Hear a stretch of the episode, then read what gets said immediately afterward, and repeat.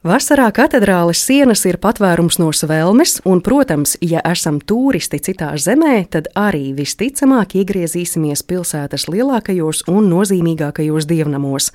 Ja katedrāles durvis pavērsim ziemā, tad notiks pretējais - sveču liesmas ienācēju sasildīs.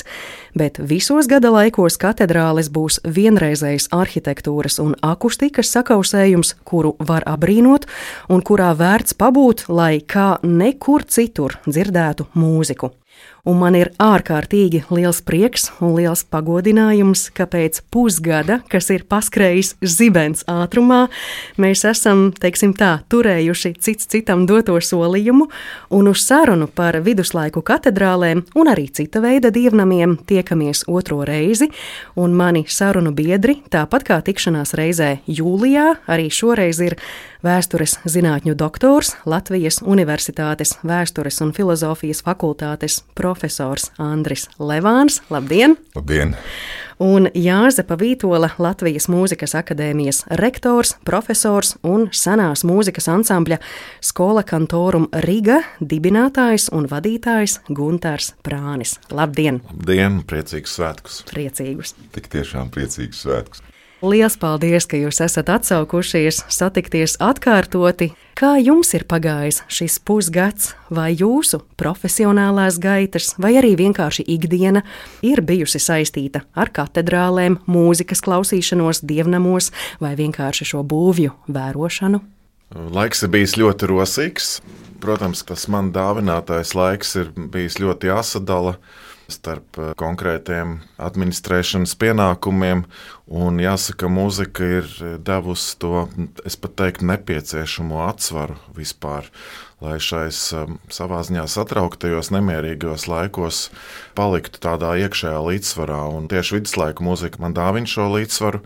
Es esmu diezgan daudz arī varējis sniegt koncertus ar saviem kolēģiem, mūziķiem, gan ar skolu kantoram Rīga, gan ar pavisam jaunu projektu.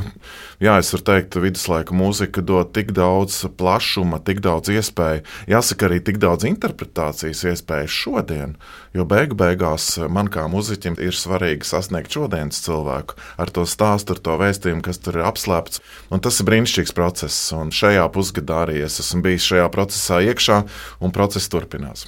Tas jums, Prāņa kungs, ir vienlaikus darbs un vienlaikus arī oāze. Pilnīgi noteikti. Pilnīgi noteikti. Mm -hmm. Levāna kungs, kā jums? Jā, es gribēju tikko teikt, es raugos uz Gunteru un labvēlīgā skaudībā pie tam, ka Tik tiešām, ja tas, ko tu dari, tev kļūst par oāzi ikdienā, tad es domāju, tā ir privilēģija, bet tā ir, man liekas, vieta vai tie brīži, kuri atgādina mums par to, ka nu, mums ir liela pazemība tas jāpieņem. Jo ne katram tas acīm redzot ir dots, bet par to, kā gāja man, tad es gribētu teikt, ka man laikam vislielākais piedzīvojums šogad bija dziesmu svētku laikā. Tas bija viens notikums, kas ievadīja dziesmu svētkus, un tas bija garīgās muzikas koncerts Doma katedrālē. Tātad katedrāle. Mm -hmm. Manuprāt, kā arī Doma katedrāle kaut ko tādu piedzīvoja, iespējams, savā pastāvēšanas laikā, un tad ir nu, jau astoņi gadsimti, pirmo reizi. Un tad var domāt par to, ka gan mūsu mūzikas izpratne, gan tas, kā mēs gribam, un acīm redzot, tā ir arī tāda nepieciešamība, vajadzība meklēt veidus, kā likt šai muzikai skanēt un līdz ar to piedalīties kaut kādā tādā ļoti sevišķā emocionālā pieredzē arī tiem, kur klausās. Un, protams, tā ir cita veida klausīšanās. Kaut vai tas, ka mēs visi sēdējām, nevis stāvējām, kā tas būtu bijis viduslaikos, jo viduslaiku katedrālē tur nav kur apsēsties, tur nav soli, nav krēsla. Tas nav vienkārši paredzēts. Tā laikam bija tā īpašā pieredze, bet, protams, tā kā es strādāju universitātē ar studentiem, tad patiesībā es ļoti daudz sarunās ar studentiem par viduslaikiem, tiem pašiem viduslaikiem. Nu, es nevaru apiet nekādi viduslaiku baznīcai, baznīcas interjeram cilvēkiem, kurš šajās baznīcās iet un kaut ko meklē, un kāds kaut ko atrod. Ir jautājums, ko viņi tur atstāja un ko viņi paņem līdzi, kad viņi iet pa katedrāles teiksim, tā, portālu ārā. Nu tā. mm, es ceru, ka šie mirkļi arī jums ir bijusi oāze. O jā, es pavisam noteikti varu teikt, arī lielā pazemībā, ka tā ir man, mans patvērums, mm. jebkurā gadījumā. Atcaucot mazliet atmiņā to, par ko mēs runājām vasarā, mēs skatījām katedrāles jēdzienu, aplūkojām viduslaiku agrāko periodu, tātad romāniku un vēlāko gotiku, secinājām, ka arhitektūra nav nodalāma no akustikas, pie tā mēs vairāk kārt atgriezāmies šajā sarunā, un jūs, Levāna kungs, minējāt arī abatu sugeru, kuram jau viduslaikos ir bijusi liela nozīme matemātisku aprēķinu veikšanā, lai katedrālē radītu labu akustiku. Šajā reizē mēs arhitektūrai un akustikai arī pieskarsimies, un to mēs jau ievadā esam izdarījuši, bet mēs izcelsim arī citus jautājumus, un es gribētu sākt ar jautājumu loku, kas ļoti labi labi sadar kopā ar Ziemassvētkiem, proti Ziemassvētkus vieni svin kristīgās tradīcijās, citi ņem vērā kādus senču, pagānu rituālus. Nu, tāds īsts reliģiskais sinkrētisms arī valda daudzās mājās, kur tiek kombinētas gan kristīgās, gan tautas tradīcijas, un arī vecgada vakarā tas parādās. Mēs lejam laimītes un zīlējam. Nu, lūk, Pie tā tad arī pakavēsimies, jo man šķiet, ka šī mūžsanā sadursme, ko baznīca domā par zīlēšanu kafijas biezumos un pesteļošanu un buršanos, jau agrākajos gadsimtos ir bijusi ļoti skaidra. Bībele māca, ka elgdievība nav pieļaujama un visādi elku simboli arī nav vēlami. Ļoti interesanti, cik tad īsti līdz galam kristīgi ir visi zīmējumi un simboli uz katedrāļu sienām un griestiem, bet pirms mēs runājam, runājam par to, būtu arī derīgi saprast, kad vispār viduslaikos celtajos dievnamos, katedrālēs parādās jebkādi gleznojumi, zīmējumi. Redz, ja mēs runājam par tēliem, tad šie tēli, kas tika uzklāti un kuri atdzīvojās uz katedrāļu un baznīcas sienām, tie ir viena stāsta forma, jo tai līdzināk ar vienu lūk akustiskie piedzīvojumi. Protams, ka mēs pārspīlētu teikt, ka kāds atnāca, izdomāja, ka būs tieši tā un ne savādāk. Par jūsu pieminēto abatu sugēru, protams, ir kaut kādi principi, par kuriem viņš runāja, un tie ir matemātiski, domājot tieši par akustiku. Taču tajā pat laikā mēs atrodam ļoti daudzus viduslaika autors, vairāk no 12. un 13. gadsimta, kas arī izsakās par to. Starp citu, Pāvests Gregors I jau nu, 6. gadsimtā patiesībā runā par to, ka ir jābūt lūk zīmēm, Tātad šai zīmju valodai, kuras atdzīvojas ne tikai vārdā, bet arī zīmē, piktūra. Un tā piktūra, tās zīmes, viņas ir klājamas uz virsmām. Un kur tad vēl, ja ne katedrālē, kurā mēs slavinām to kungu? Tātad Pāvests Gregors savos homilētiskajos tekstos, ja patiesībā tie ir sprediķu teksti pamatā, un arī svēto dzīvju apraksti, viņš patiesībā runā par to, ka lūk, ir pieļaujama un pat ir vēlama šo tēlu ienešana baznīcas telpā. Tātad tā ir pieredzes, piedzīvojuma telpa. Jūs varat satikt ķēniņu Dāvidu. Jūs varat pieredzēt jaunās derības stāstu, varoņu dzīves epizodes. Kaut gan, protams, atkal jau, ja mēs raugāmies uz katedrāļu sienām, baznīcas sienu gleznojumos, mēs ieraugām tur ļoti daudz augu motīvu. Un tas, protams, tas saistās atkal jau ar dažādām epizodēm, gan vecajā, gan jaunajā derībā. Ko tas nozīmē? Tas nozīmē jūs vest patiesībā uz to vietu, ko viduslaikos saskaņā ar antīko tradīciju sauc par Locus Amoenus. Tā ir tā brīnišķīgā, mierīgā vieta, kur jūs piedzīvojat dievišķu manifestāciju, respektīvi šo hierofāniju, kur dievs nostājas pasaulē un jūs viņam līdzās vēl cilvēks, kurš bieži vien daļēji augs, daļēji dzīvnieks, arī dzen tur parādās. Un te nav runa par nu, tādu savu veidu kā bestiāriju, ja, uzlikšanu uz katedrāļas sienām. Varētu teikt, jā, nu, it kā no vienas puses, no otras puses tās ir tās dīvainās, fantasmagoriskās transformācijas, kas var notikt patiesībā pilnīgi ar visu, jo Dievs ir tas, kurš rada un viņš izvēlas formu. Tad sanāk, ka pirmie zīmējumi parādās jau visai agrīni, un šie piktūra, Jā. kā jūs minējāt, tās nebūtu nav, kā es biju sākotnēji iedomājusies, vienkārši kaut kādas līnijas un ornamenti, tie ir jau visai smalki izstrādāti zīmējumi. Kaut gan, teiksim tā, ir arī šie ornamentālie mm. motīvi, ja mēs, nu, piemēram, nonāktu Boloņā, piemēram, šodien pēcpusdienā, es jūs labprāt aizvestu uz San Stefano. Tā ir viena no vecākajām Boloņas katedrāla baznīcām. Tur ir vairākas baznīcas, starp citu, šajā ļoti interesantajā vēsturiskajā baznīcas kompleksā apvienotas. Bet, ja jūs pieietu pie senākās daļas, kas ir tapusi, nu, arhitekta lēšs, tas varētu būt tiešām 4. gadsimts pēc Kristus.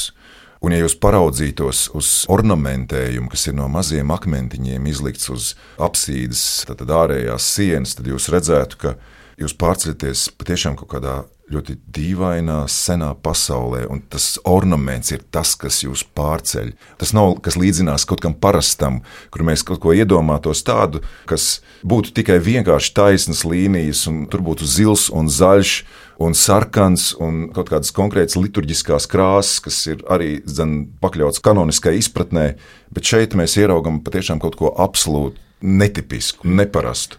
Bet šis neparastais un netipiskais jau nav vienkārši unikāls un tikai un vienīgi San Stefano Boliņā, bet tas ir vērojams Itālijā daudz vietā, lūk, šajās senajās baznīcās, iekšējos un ārējos fasādes ornamentos. Un tas ir ornaments, bet tas iet roku rokā ar šo piktūru, ar zīmēm, ar augiem, dzīvnieku, cilvēku motīviem. Mm -hmm.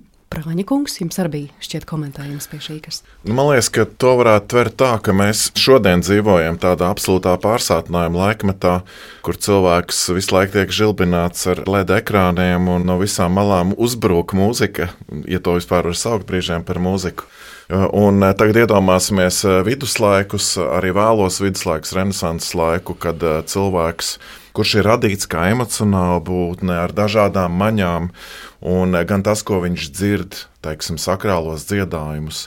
Tas, ko viņš redz, tātad freskas, starp citu, arī Rīgas doma, tātad Rīgas katedrāls Ziemeļportālā ir viens no senākajiem visas Ziemeļēropas mākslas darbiem - Marijas debesīs uzņemšanas freska datēta 14. gadsimtu, kas ir unikāli, ja, kas palīdz izstāstīt šo stāstu, palīdz to piedzīvot. Tātad gan tas, ko es dzirdu, gan tas, ko es redzu, gan tas, ko es saužu caur vīraku, caur sveču vasku, kušanu un visas šīs lietas veido šo līdz galam vārdos, teiksim, informatīvā līmenī nenodefinējamu zināšanu, kas beigu beigās ir iespējams tā svarīgākā zināšana.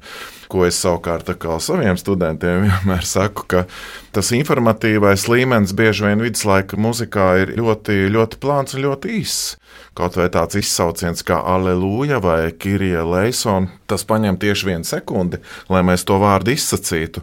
Un tad mēs redzam visus tos dziedājumus, ko Svētais Augustīns ir ļoti skaisti izteicis, ka tajā brīdī, kad tas vārds ir izskanējis, verbāli, informatīvi, tad, tad tikai sirds sāk domāt, sāk izdziedāt, sāk gavilēt par to. Un tas tam cilvēkam nu, noved pie tās dziļākās zināšanas, saprašanas, piedzīvojuma, kas tas īstenībā ir domāts. Un mans piedzīvojums bija Skraveņī kapela, Džoto kapela Padojas pilsētā kurā man bija iespēja būt apmēram pirms diviem mēnešiem. Naktī pie tam viņi tagad ir izveidojuši to kā tādu piedāvājumu. Un man jāsaka, tas ir pilnīgi pārpasaulīgs piedzīvojums. Kas man ļoti patika, ka tur ielaiž tikai ļoti, ļoti limitētu cilvēku skaitu. Tur nav nekādas burzmas vai stumdīšanās. Tu tiešām vari izbaudīt to pusstundu ar tām dažādām bībeles ainām. Man jāsaka, nu, kaut ko tik spēcīgu es pēdējā laikā laikam nebiju piedzīvojis. Tieši ko vizuālā māksla var sniegt, un tad man rādīja to laivu, kurā sēž mācekļi. Tur ir apstults Pēters, kurš tā kā uz tevi skatās.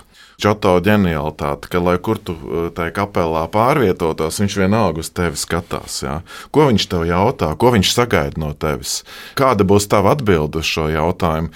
Tas viss paver tādu absolūti brīnumainu, daudzdimensionālu piedzīvojumu kas man šķiet arī ir tā būtība, ja mēs runājam par sakrālo mākslu, par sakrālo mūziku, kur es varu tikai Andrim pievienoties un piekrist, ka tā cilvēka uztvere, un arī no baznīcas puses, jā, tā pārliecība, ka jāļauj cilvēkam dzīvot tajā savā izjūtā, kaut kur arī fantāzijā, ceļot savās domās, balstoties uz šīm zīmēm, kas ir dotas, bet tai pašā laikā neierobežojot arī to, kā es to šobrīd redzu, dzirdu un izjūtu. Man liekas, ka tā ir tāda milzīga bagātība.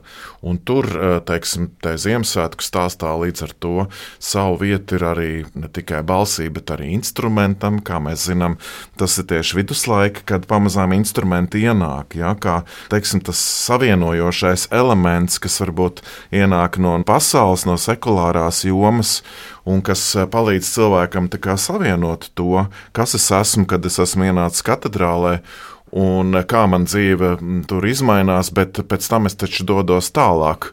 Un kā es sevi tvēru tad, un ko es tad drīkstu, ko es nedrīkstu, kā mūzika man nāk līdzi, un, un starp citu arī dēļa un kustība un ritmi un visas šīs lietas, kas uh, ieņem uh, savu ļoti noteiktu vietu vienā dzīva, emocionāla cilvēka ikdienā.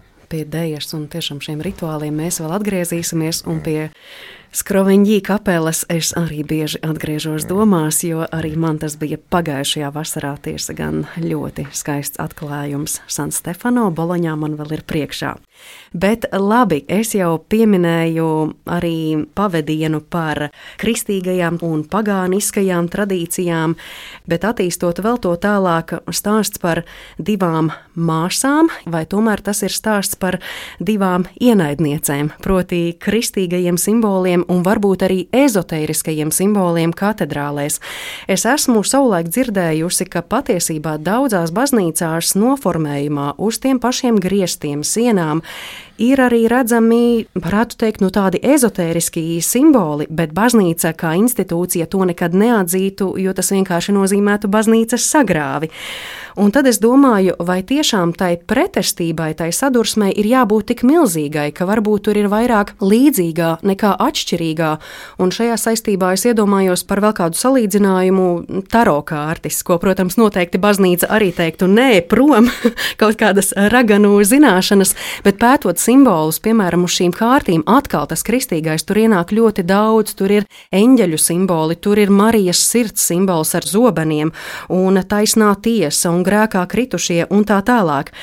Protams, te atkal varētu parādīties arguments, nevajag rasolā jaukt kopā atkal to, ko saka Bībelē, un to, ko jūs paši esat pieņēmuši par patiesību. Bet vai tiešām visi šie simboli, zīmējumi katedrālēs ir līdz galam tādi īsti kristīgi, vai tas ezotēriskums, misticisms tomēr arī ienāk, tikai to kaut kā negribas atzīt? Mariona ir tā, šo pretrunu par kur jūs tikko runājāt, esam konstruējuši savās galvās. Es šobrīd neesmu līdz galam drošs, vai šis pretrunas koncepts top vai sāk veidoties 18. gadsimtā. Es domāju, ka tas varētu būt aizsācies tad, 18. gadsimtā, un nav iespējams nejauši, ka tas ir arī saistīts ar apgaismību. Protams, tajā visā liela loma arī ir spēlējis ir protestantisms un tie procesi, kurus mēs saucam par reformu procesiem, rietumu latīņu baznīcā. Ja Romas baznīcā pēc Tridents koncila, tad mēs runājam par Romas katoļu baznīcu. Es domāju, ka tur ir ļoti daudz tādu faktoru, kuri iespējams ir veicinājuši šādu nošķīrumu rašanos. Nu, tad, tad šis ļoti iespējams pagāniskais vai nelīdz galam kristietībā pieņemtais, un tad ir tas tīrais kristīgais gan krāsu izvēlē, gan simbolu izvēlē, gan eh, tieši tāpat arī runājot par eh, skaņas, jau respektīvi muzikāliem elementiem, tāpat arī ar kustībām, kuras drīkst un kuras nedrīkst izdarīt, esot eh, baznīcā dievkalpojuma laikā, un vispār dievbijīgs cilvēks, ko viņš nedrīkst darīt. Es domāju, ka šis nošķīrums ir uh, mākslīgs. Jo, ja mēs atgriežamies tajās pašās mums jau zināmajās katedrālēs, kur ir gan freskas, gan mozaīks un tā tālāk, un tā joprojām, mums vajadzētu aizdomāties. Man ļoti, ļoti tuva vieta ir. Svētās Katrīnas klostera baznīca Lībekā, tā ir uh, franciskāņu konventa baznīca, no iekšējā teiksim, interjera viedokļa tur ir ļoti, ļoti daudz vairākos laikposmos tapuši sienu gleznojumi. Tas galvenais laikposms būs 14. gadsimts un 15. gadsimta pirmā puse vidus. Un tur mēs kļūstam liecinieki tam, kā acīm redzot, ir sadzīvojuši, spējuši sadzīvot šie nu, mūsu uztverē šķietamie pagāniskie elementi, nu, piemēram, pentagramma. Mums šķiet, ah, jā, lūk, nu tad, tad ja parādās pentagramma, tad, tad kaut kas nav īsti tīrs. Jā, Baznīcā. Baznīcā, jā. Nu, iedomājieties, tas kā kino. Gunārs pieminēja tos LED ekrānus. Tas ir mēdījis, ar kuru ir jāuzrunā visas tēmas, kas ir svarīgas vienam kristīgam cilvēkam. Visas tēmas, kuras mēs patiesībā varam atrast un atklāt jau vecās un jaunās derības, es gribētu teikt, tā mitoloģijā. Tātad šajos stāstos par pasaules radīšanu, gaismas tumsas nošķīrumu, eņģeļu krišanu, dēmoniem, šo pretstāvi un sacensību starp sātanisko un dievišķo.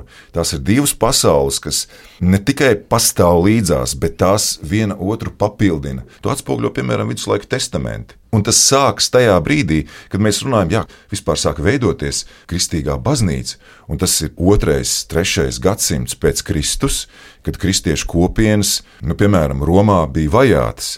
Un uh, mēs redzam tad, patiesībā to, kā kristīgai baznīcai formējoties, kas sākotnēji bija atsevišķs kults, ļoti daudzu romiešu kultu vidū, vai arī Mazāzijā, starp citu tad mēs ieraugām, ka tas ir viens no konkurējošiem kultiem, kas arī dzen asimilē daudz ko no tā, kas notiek apkārt, tātad šajā kulta pieredzes praksē.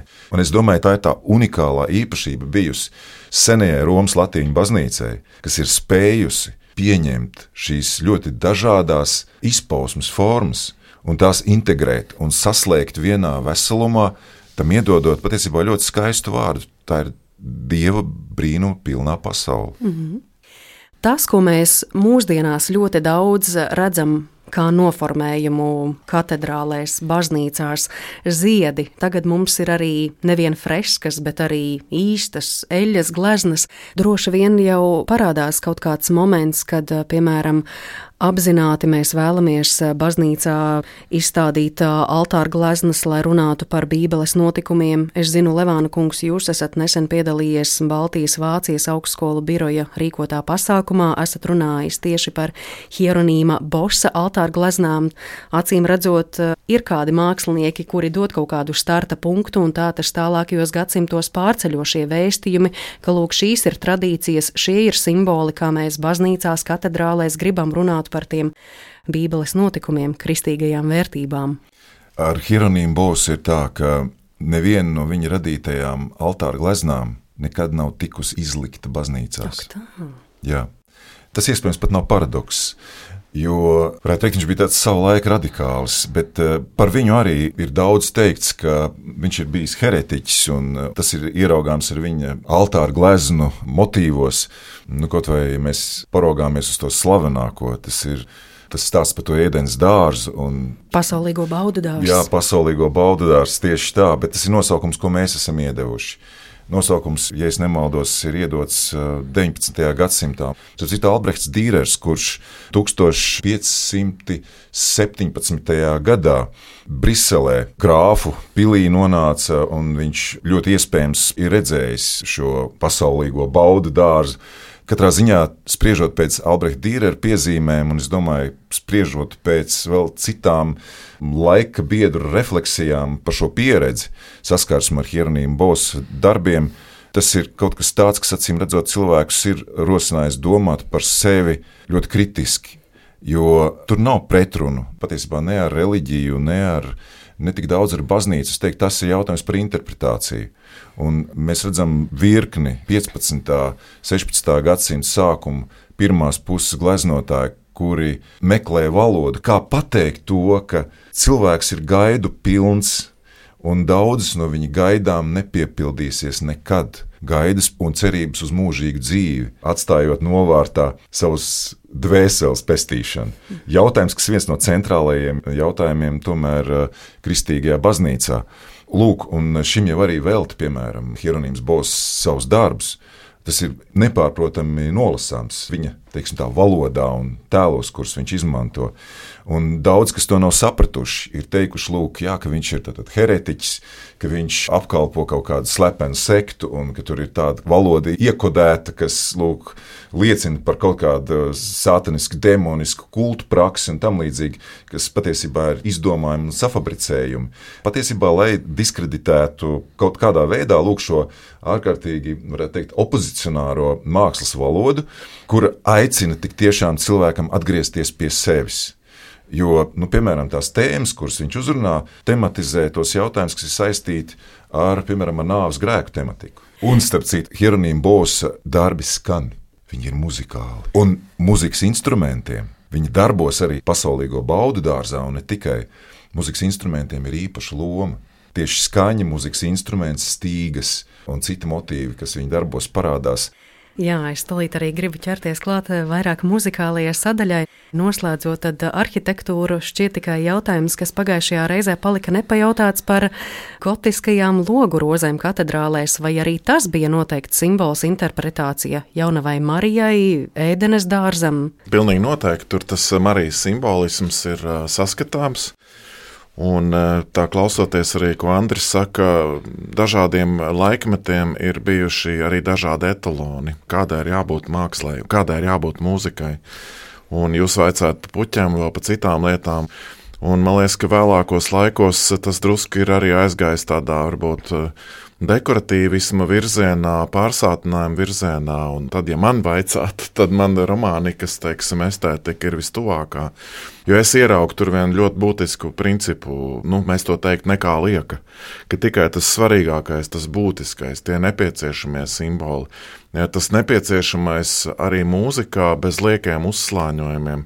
Un, līdzīgi kā Andris teica par tām dažādām idejām, vizuālajā mākslā, tā arī mūzikā mūsdienās jau tas vairs sen netiek tā uztverts šī pretstāve. Teiksim, sakrālais, sekulārs vai garīgs, laicīgs šīs lietas, bet ir vairāk šis būtiskais, ir tas centrs, tā esence, teiksim, kas ir viduslaikos pilnīgi noteikti liturģija, dievkalpojums, tātad mūzika, kas ir liturģijā. Tad ir eh, tas nākošais lokus, nu kā tāds eh, akmentiņš iemests ūdenī, jā, teiksim, sakrālā mūzika, tad varbūt garīgā mūzika plašāk, un tad varbūt tas, ko tauta dzied. Un jāatceras jau arī tas, ka liela daļa tautas nemaz eh, nemācīja un nesaprata latīņu valodu. Tātad gan vizuālajā mākslā, bet arī mūzikā bija jāatrod veidi, kā šos, teiksim, vienkāršos tos cilvēkus uzrunāt eh, veidā, kā viņi to saprot. Un te es gribētu aktualizēt to, ka tas faktiski visos laikos ir bijis viens un tas pats, un tā ir dziesma. Tā ir skaista melodija, kas eh, jau viduslaikos bija ne tikai latviešu valodā, bet arī tautas valodā. Ja. Tieši tāpat kā tas ir mūsdienās, un tāpēc mēs arī mūsdienās ar milzīgu prieku varam dziedāt arī viduslaiku dziesmas un dziedāt mūsu laiku dziesmas. Un savulaik Jēzus to ļoti labi saprata, kuri iekļāva šajās viduslaiku cilvēku dziesmās arī tautiskus elementus. Tad, kad viņi, nu, piemēram, latviskoja, tas pats Georgs Elgers un daudz citi, citās vietās, citos reģionās, citās valodās, mēģināja tautai darīt to visu tuvāk un saprotamu. Teiksim, izmantojot kaut ko no tautas mūzikas, no tautas dziesmas, kur faktiski mums jāsaka, viduslaikos nu, nav tāda strikta dalījuma, teiksim, baznīcas dziesma un tautas dziesma. Tas visbiežāk tas ir tieši viens un tas pats. Par to, kas ir svarīgs, par to tiek dziedāts, un, un pēc tam ir tāds pavisam jauns. Mēs šodien teiktu, žanrs, viduslaika mistērija spēle, kur, teiksim, sākotnēji tas bija baznīcā, kur viņi kādu tekstu lasīja vai dziedāja dialogā, lomās dalot. Un tad tur ir viens pāvesta rīkojums, ka tas tur pārāk drusku jau nepiedienīgi izskatās, ka tur priesteris tēlo kādu lomu, un varbūt mazliet jau iet ārpus cienīguma rāmja, un tad to visu pārcēl uz tirgus laukumu. Un viduslaikos visi šie elementi spēlē savu nozīmīgu lomu, kur tā īsti nebija nekas izslēgts no tā ārā. Vienkārši katram bija sava vieta, sava nozīme un savs laiks. Pie šī visa pieder arī, piemēram, svētceļojuma dziesmas kur, eh, ja mēs tā iedomājamies, ja, jau viduslaikos svētceļnieki devās uz dažādiem centriem, uz Jeruzalem, uz Betlēmu, uz Romu, uz Santiago. Tur skanēja dažne dažādas valodas šajā tālajā ceļā, reizēm vesels mēnešus vai pat gadus viņi pavadīja šajā ceļā. Ko viņi darīja vakaros, tad, kad viņi sapulcējās? Viņi bija kaut kur ārpus klosteru baznīcas vai katedrālas mūriem, viņi iekūra ugunskura, kādam bija līdz kāds instruments, kāds kaut ko dziedāja. Un tad viņi kopā, nu, mēs šodien teiktu, mīja darbojās. Tur veidojās vienkārši tādi nu, fantastiski fenomeni, kur mēs vairs nevaram nodalīt kurai teiksim, mentalitātei vai kurai valodai kas pieder.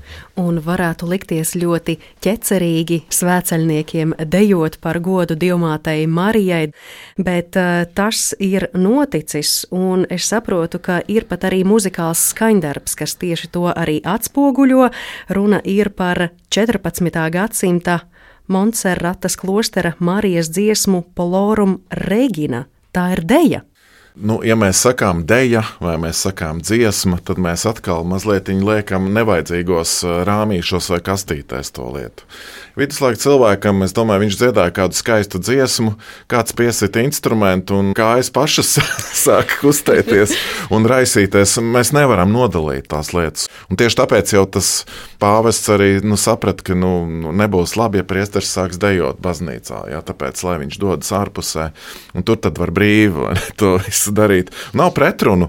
Un, eh, līdz ar to mēs bieži lietojam to formulējumu deju dziesma. Un tas Monserrats klostera 14. gadsimta Marijas dziesmu vai deju dziesmu kolekcija, ko mēs saucam Liberevēra Mel vai Sarkanā grāmata, tur ir, ir vesels klāsts ar šiem brīnišķīgiem dziedājumiem, kur mēs skatāmies ikonogrāfiskos materiālos, mēs tur redzam ļoti daudz instrumentu, mēs redzam arī to, ka tika dejots. Tieši kā tas notika, to mēs nezinām, un labi vien ir, jo mēs šodien šodien varam domāt un stāstīt savu stāstu par to.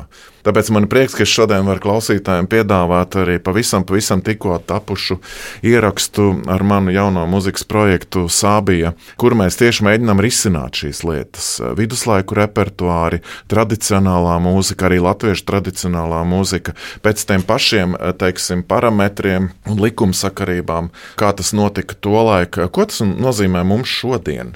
Ko mēs varam varbūt mazliet likt no sevis klāt, jo tas bija neizbēgami, ka cilvēks cilvēks kaut ko no sevis lika klāt. Nu, gluži kā tautas dziesma, jā. blakus ciematos viņi dzied mazliet atšķirīgi, un šeit neietvers runa, kuram ir taisnība, kurš pareizi, kurš nepareizi. Vienkārši tā ir tā lielā bagātība, kas mums pieder. Bet eh, šis dziedājums, šis deju dziedājums eh, mazliet, lai to portretē un parāda Polorum Regīna no Montserratas, eh, Katalonijas, starp citu, Barcelonas pievārtē. Klinču kalnos, jā, šis brīnišķīgais klosters. Paloruma Regina. Ieklausamies!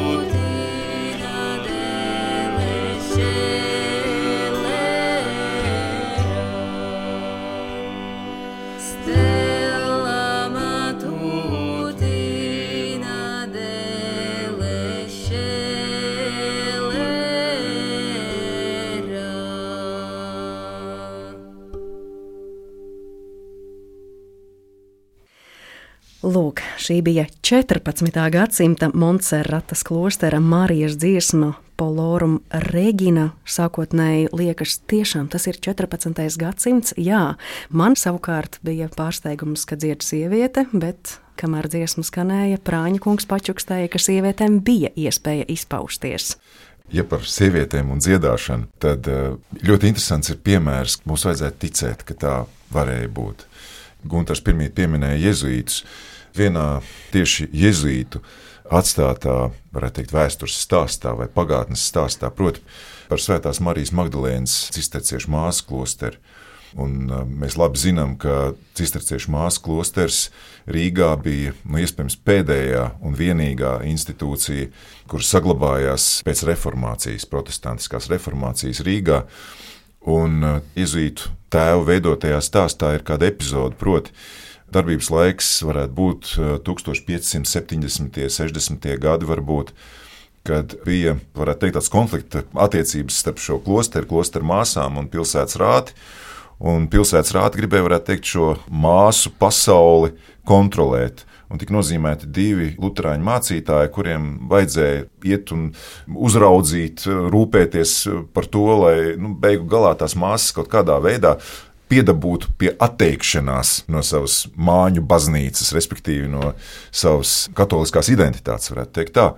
Un tas viss beidzās ar to, šajā epizodē, kur ir tas stāsts par to kārtējo mēģinājumu tās māsas lūk, atrunāt no šīs prakses, tradicionālās, kur viņi sargāja Un tur ir tāda epizode, kur tiek teikts, ka ir bijis grūti rīdziniekiem tajā brīdī, kad viņi esat gājuši garām klosteru baznīcai un esat dzirdējuši šo māsu sirēnu balsīm līdzīgo dziedāšanu.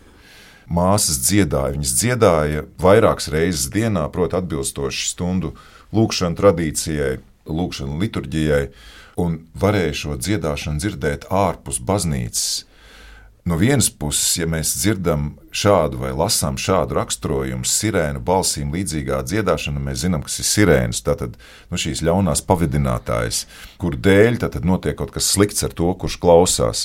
No otras puses, Es domāju, ka te ir iekļauts arī tas, kas raksturo kaut ko vēl citu, bez tā negatīvisma, ko nu, šie protestantu mācītāji tajā ielika, ko viņi iespējams teica. Proti, ka acīm redzot, šis māsu dziedājums ir bijis skaists. Ka tas ir bijis emocionāli uzlādēts, kas ir līdz ļaudīm, acīm redzot, apstāties un ieklausīties. Nu, redz, atkal mēs atgriežamies pie stāsta par interpretāciju. Un vēl par kādu interpretāciju es ļoti, ļoti gribu pajautāt. Mūzikā, solfeģo visiem, kuri apgūst, ir pazīstams tritons mūzikas intervāls, kas aptver trīs blakus esošus veselus toņus, jeb sešus pustoņus. Daudzi to sauc par vēlnišķīgo akordu, latīņu valodā diabolus in mūzika. Es gribētu, ka mēs atskaņojam burtiski dažu sekundžu piemēru, lai klausītāji saprot, par ko mēs runājam, un tad es gribētu par šo ķecerīgumu jums arī pajautāt.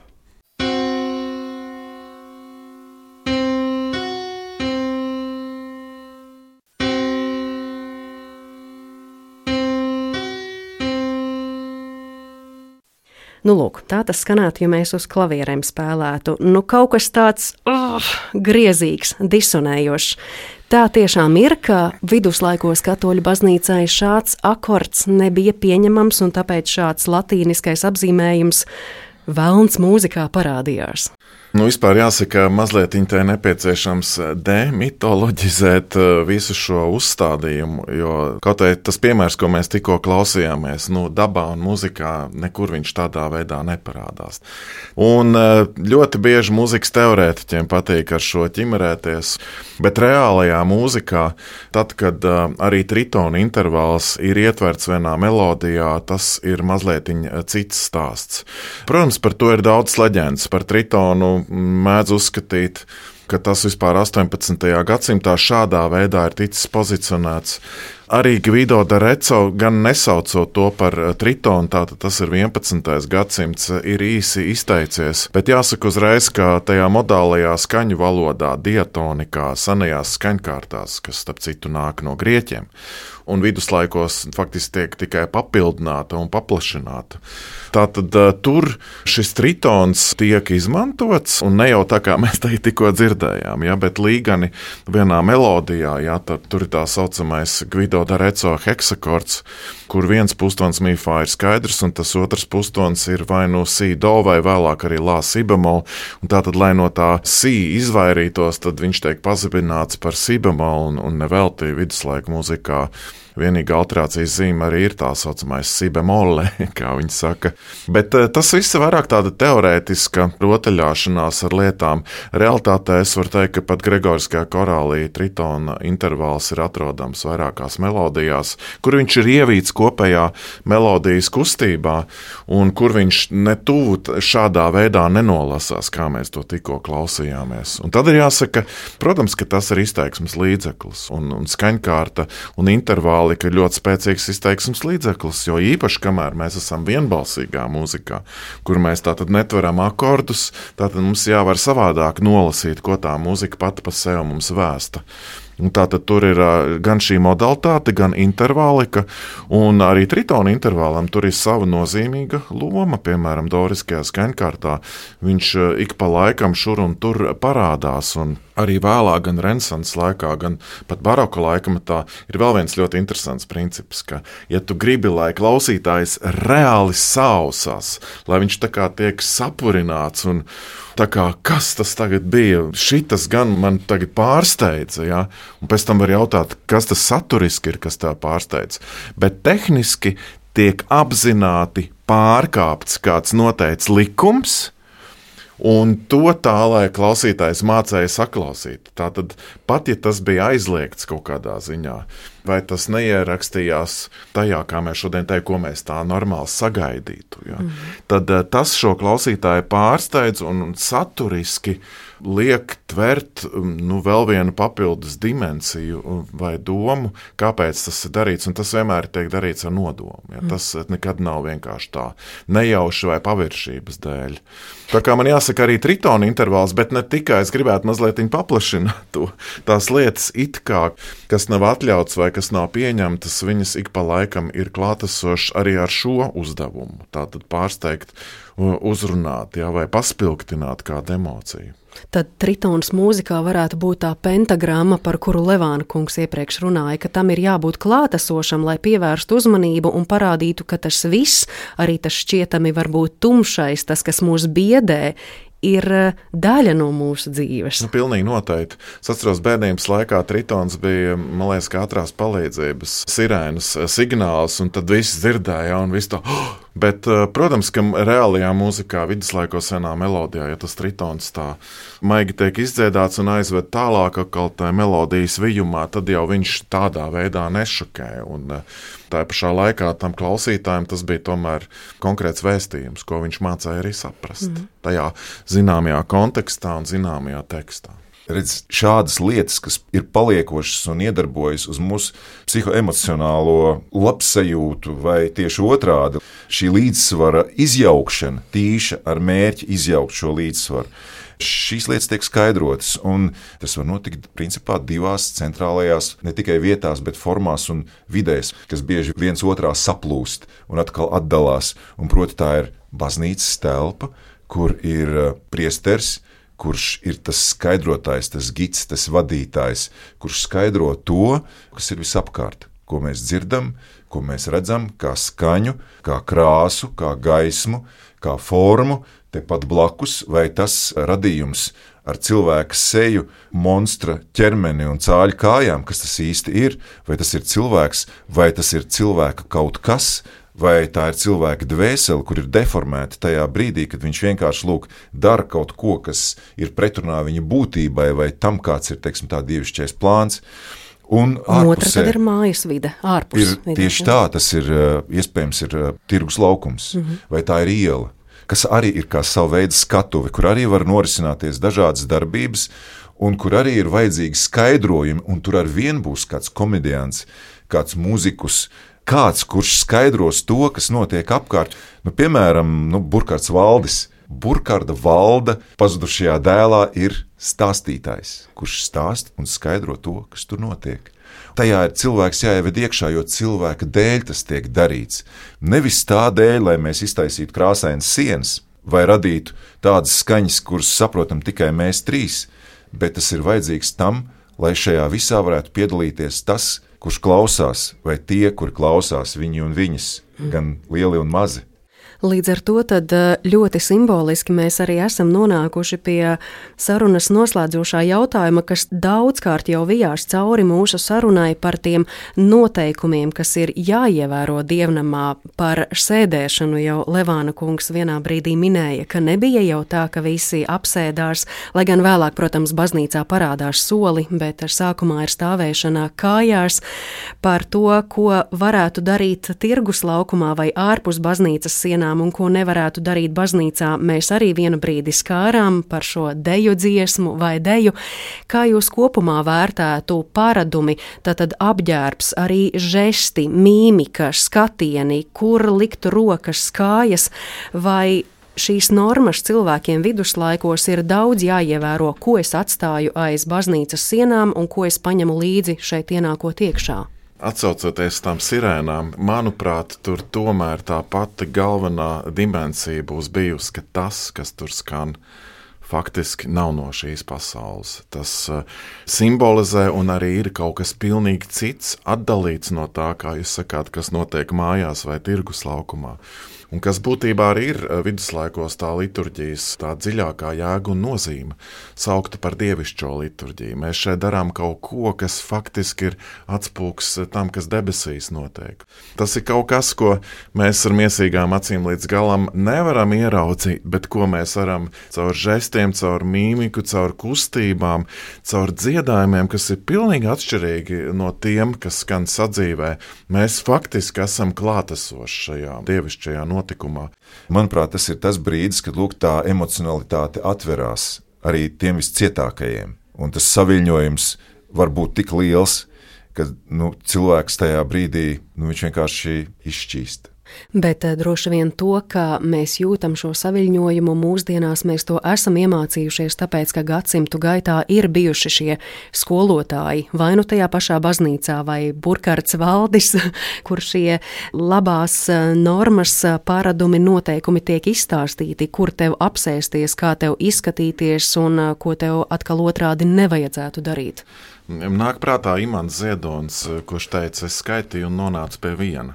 Man liekas, ka tā viss ir tā skaitīšana, bet beigu beigās, līdzīgi kā viduslaika mistērija spēlē, ir ļoti daudz skaistu vecās derības sižetu, piemēram, Jāzeps un viņa brāļi vai Daniela spēle, Daniels Laubedre.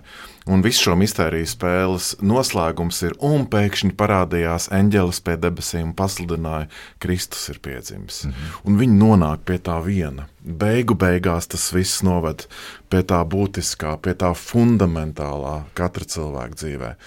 Un tie ir Ziemassvētki. Tā ir glābēja nākšana pasaulē. Jā, jā. jā. Kulminācija un tāpat laikā tā ir atkal atgriešanās pie sākuma. Mēs katru gadu spējam, varam, mums ir dota iespēja atgriezties pie sākuma, atkal turpināt to, kas ir bijis. Un man liekas, ka lūk, Ziemassvētki ar Jēzus piedzimšanu un ar to stāstu, ko mēs stāstām tik ilgi, tas mūs atkal atgriež pie sākuma. Un mēs atkal to turpinām.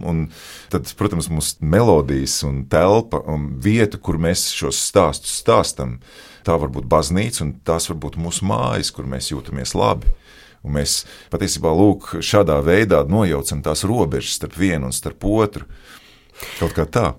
Nu, ko, kungi, tad es vēlu jums arī šajā gadā skaitīt un nonākt pie viena.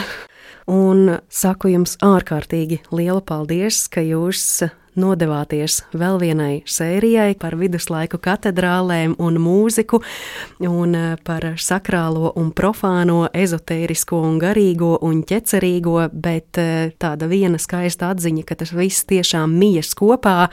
Vairāk jautājums, kādas interpretācijas mēs tam visam piešķiram, bet liekas, mēs bagātāki būsim tikai tad, ja tas viss ies roku rokā.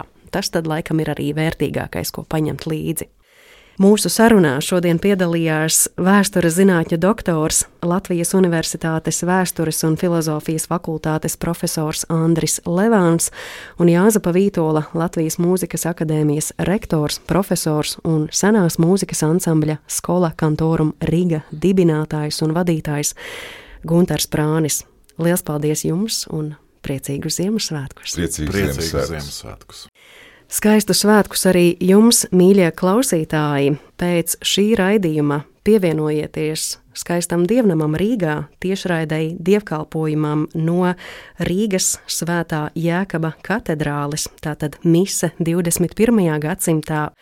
Un mūsu sarunu mēs noslēdzam ar vēl kādu brīnišķīgu vēlo viduslaiku dziedājumu, un tas ir Skola Kantorum Riga skaņdarbs no 2020. gadā izdotā albuma Vox Klāra un skaņdarbs ar tādu pašu nosaukumu - Tīrā balss.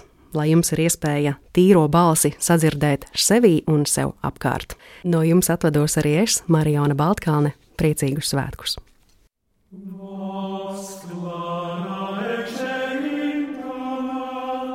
oscura creque increpat, procul fugendus omnia, ametre Christus promicat.